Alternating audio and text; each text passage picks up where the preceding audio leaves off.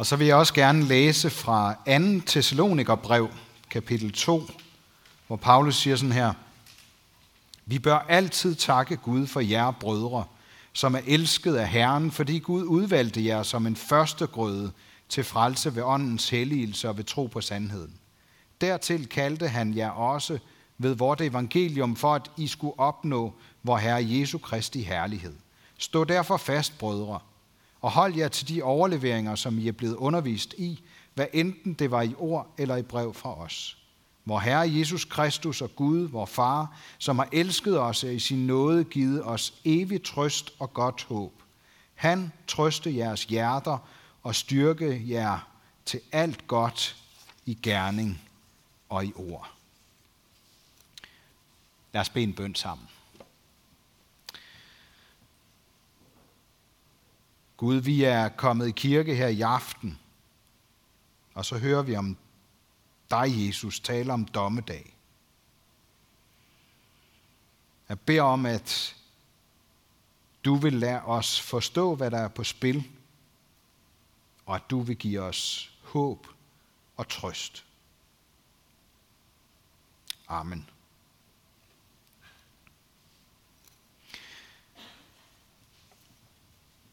Det havde været meget nemt her i aften, bare lade være med at læse det der, som, som Mathilde læste for os. Ikke? Øh, det er så dejligt nemt at, at hoppe over det, fordi det øh, ikke er til at holde ud og, og tænke på, at det ender galt for nogen af os. Jamen, det er jo helt uudholdeligt. Så kan man jo vælge at lukke øjnene for det og springe det over. Det tror jeg ikke er det rigtige at gøre. Og jeg tror det ikke, fordi vi som kristne har grund til at være håbefulde, når vi tænker på den yderste dag. Og derfor så har jeg nogle ting, jeg gerne vil sige her i aften om dommedag. For det er noget af det, Jesus siger, som der nok vil gå lang tid imellem, at jeg sådan frivilligt vil vælge at prædike over. Dommedag, hvor Jesus, himlen og jordens konge, kommer for at dømme levende og døde, som vi siger, og lige har sagt i vores fælles kristne trosbekendelse. For mig er der i hvert fald tre spørgsmål, der trænger sig på. Hvad skal vi tro og forestille os? Og hvad skal vi gøre? Og til sidst, hvordan kan vi være sikre, altså sikre på og ende det gode sted? Jeg tror ikke kun det er mig, der har nogle følelser i klemme i forhold til dommedag. Regnskabets time, hvor Gud vil skille de onde fra de gode mennesker. Men før vi begynder at forestille os for meget, eller tænker på alle mulige dommedagsfilm, vi måske har set, så skal vi først lægge mærke til, hvad Jesus egentlig siger. Får og bukke står allerede i hver sin lejr. Han har allerede, som den gode hyrde han er, samlet sine får før den dag, den yderste dag. Måske fordi han kender os og ved, at vi let bliver bekymrede for fremtiden. Jeg kan stadigvæk tydeligt huske, øh, hvordan det var at blive valgt til et bestemt fodboldhold i frikvarteret i skolen. Måske er der også nogen af jer, der kan huske det efter hvor god man var til at spille fodbold. Og nogle gange så kunne man stå der som en af de sidste. Måske er det den slags følelser, der er på spil. En slags eksamen eller test, når vi tænker på dommedag. Holder vi? Måske handler det om at være god til at være menneske. Eller god til at være kristen. Eller have de rigtige meninger. Men det er bare ikke det, forne i det, Jesus siger, har til fælles.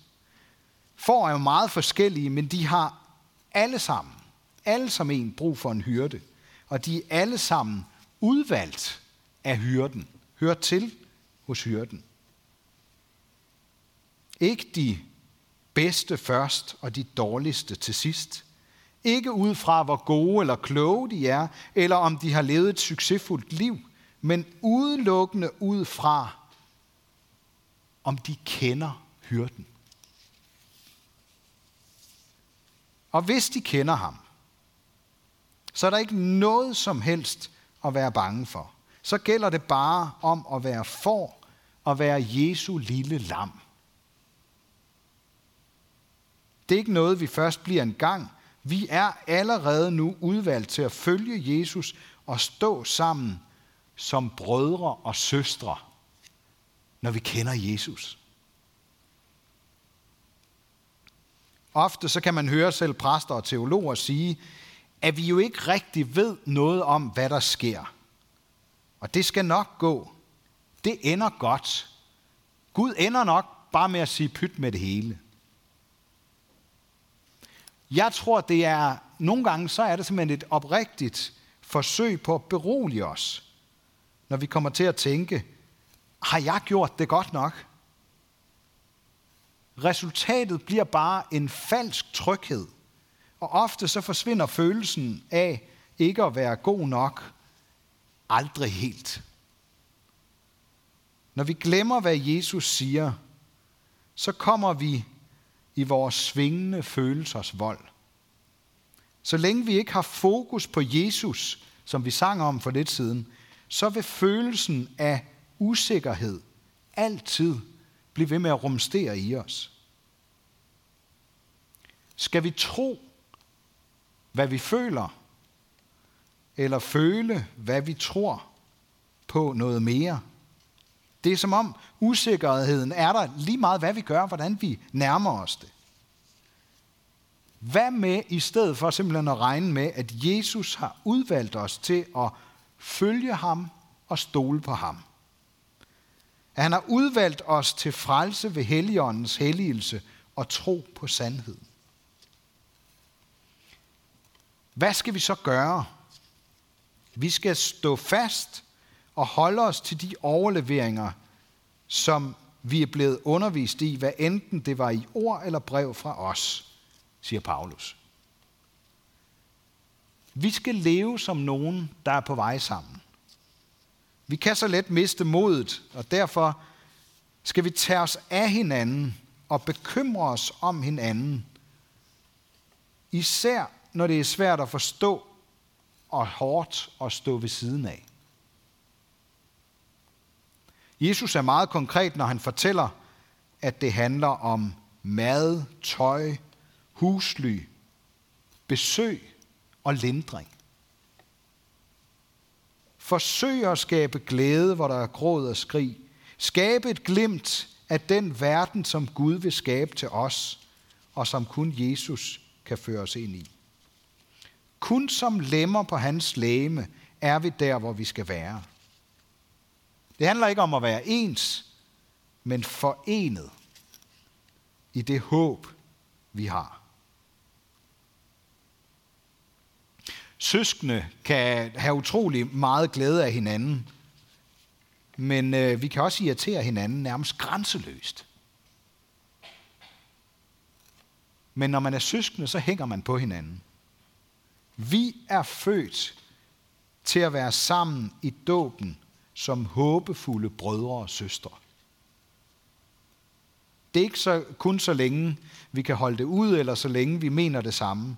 Menigheden er ikke sådan et tag vi kan snuppe lidt fra efter, hvad vi har lyst til.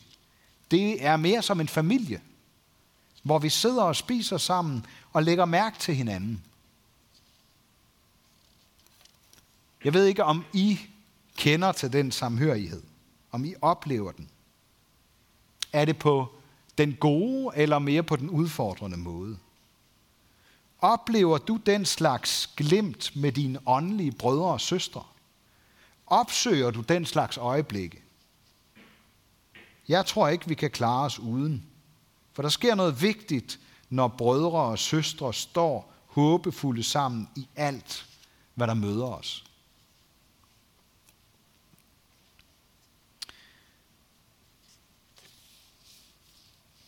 Inden øh, sidste del af prædikenen, så vil jeg gerne give et lille øjeblik til at overveje to spørgsmål. Det første er, hvem skal du være bror eller søster for? Hvem kommer du til at tænke på, som på en særlig måde måske har brug for, at du er der? Og det andet, hvem får lov til at være din åndelige søster eller bror? Er der nogen, der gør det? Eller skal du give nogen lov til at komme lidt tættere på? Vi vil lige bruge lidt tid nu, bare sådan lige et minuts tid i, øh, i stillhed til at, at overveje tænke over, om der er nogle navne, der dukker op. Hvis der ikke er det, så kunne det være, at du skulle bede Gud om at, at lægge nogle navne på dit hjerte.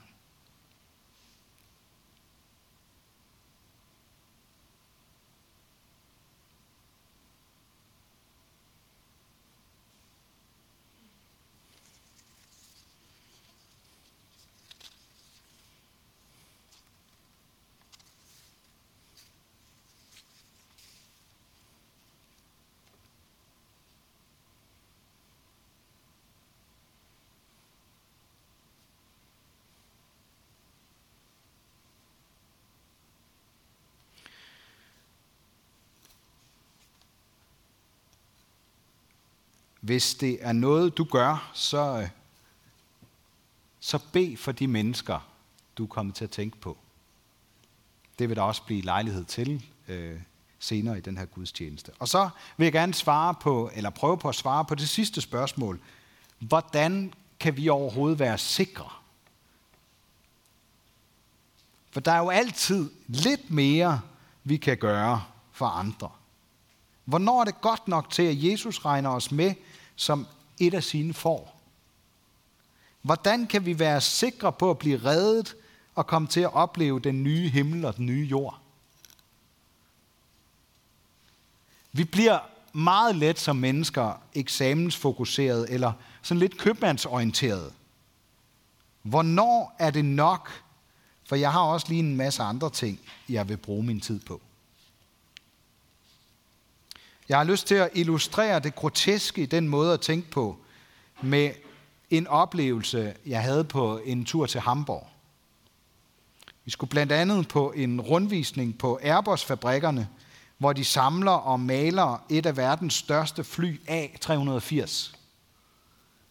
Og det var meget imponerende at se og høre om, hvordan alle medarbejderne i produktionen har deres eget personlige stempel så de kan blive holdt ansvarlige for hver eneste lille eventuelle fejl.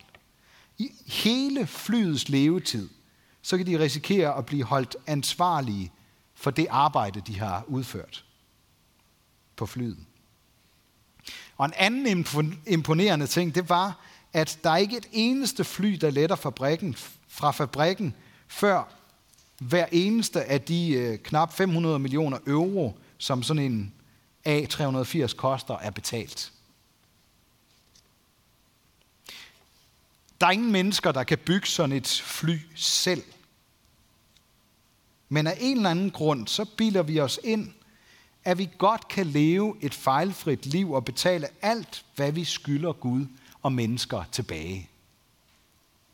Og det er altså endnu mere umuligt. Hvis vores sikkerhed for at komme til at opleve det evige liv hang sammen med vores evne til at leve et fejlfrit liv uden at skylde nogen noget, jamen så blev vi aldrig sikre. Men nu er Guds redningsplan heldigvis skruet anderledes sammen. For Jesus har selv sat sit stempel på hver eneste detalje i planen om at redde os. Og han har endda sat sit mærke på vores pande og bryst, for at vi skal vide, at den plan gælder os og er sat i værk for vores skyld. Vi skal ikke engang betale for at komme med det, der i virkeligheden er verdens største fly. Det har kostet Gud et ubetaleligt offer og bygge forbindelsen mellem hans og vores verden og sikre en plads til alle, der ønsker at komme med i hans redningsplan. Desværre så kan vi som mennesker blive ramt af tanken om, at vi ikke har brug for andet end en kiste, eller måske bare en urne, når vi skal herfra. Derfor så er vi nødt til at stå sammen som brødre og søstre i den terminal, som vores verden er. Og hjælpe hinanden med at sprede håb og vidshed om, at verdens største fly findes og har plads til alle, der vil med. Det står parat. Der er betalt, og det er klar til at lette. Og på siden af det står der ikke noget med airlines, men der står vejen, sandheden og livet. Vi kan som frie mennesker vælge at gå rundt og handle tolvfrit og håbe på det bedste hele livet. Men det er langt bedre sammen med brødre og søstre at gå ud og fortælle, at der stadigvæk er pladser på forbindelsen til Guds verden. Ære være Gud, vores far, der har skabt os i sit billede. Ære være Guds søn, der tog vores straf, så vi kan leve i frihed. Ære være Helligånden, ham der gør Guds kærlighed levende i os.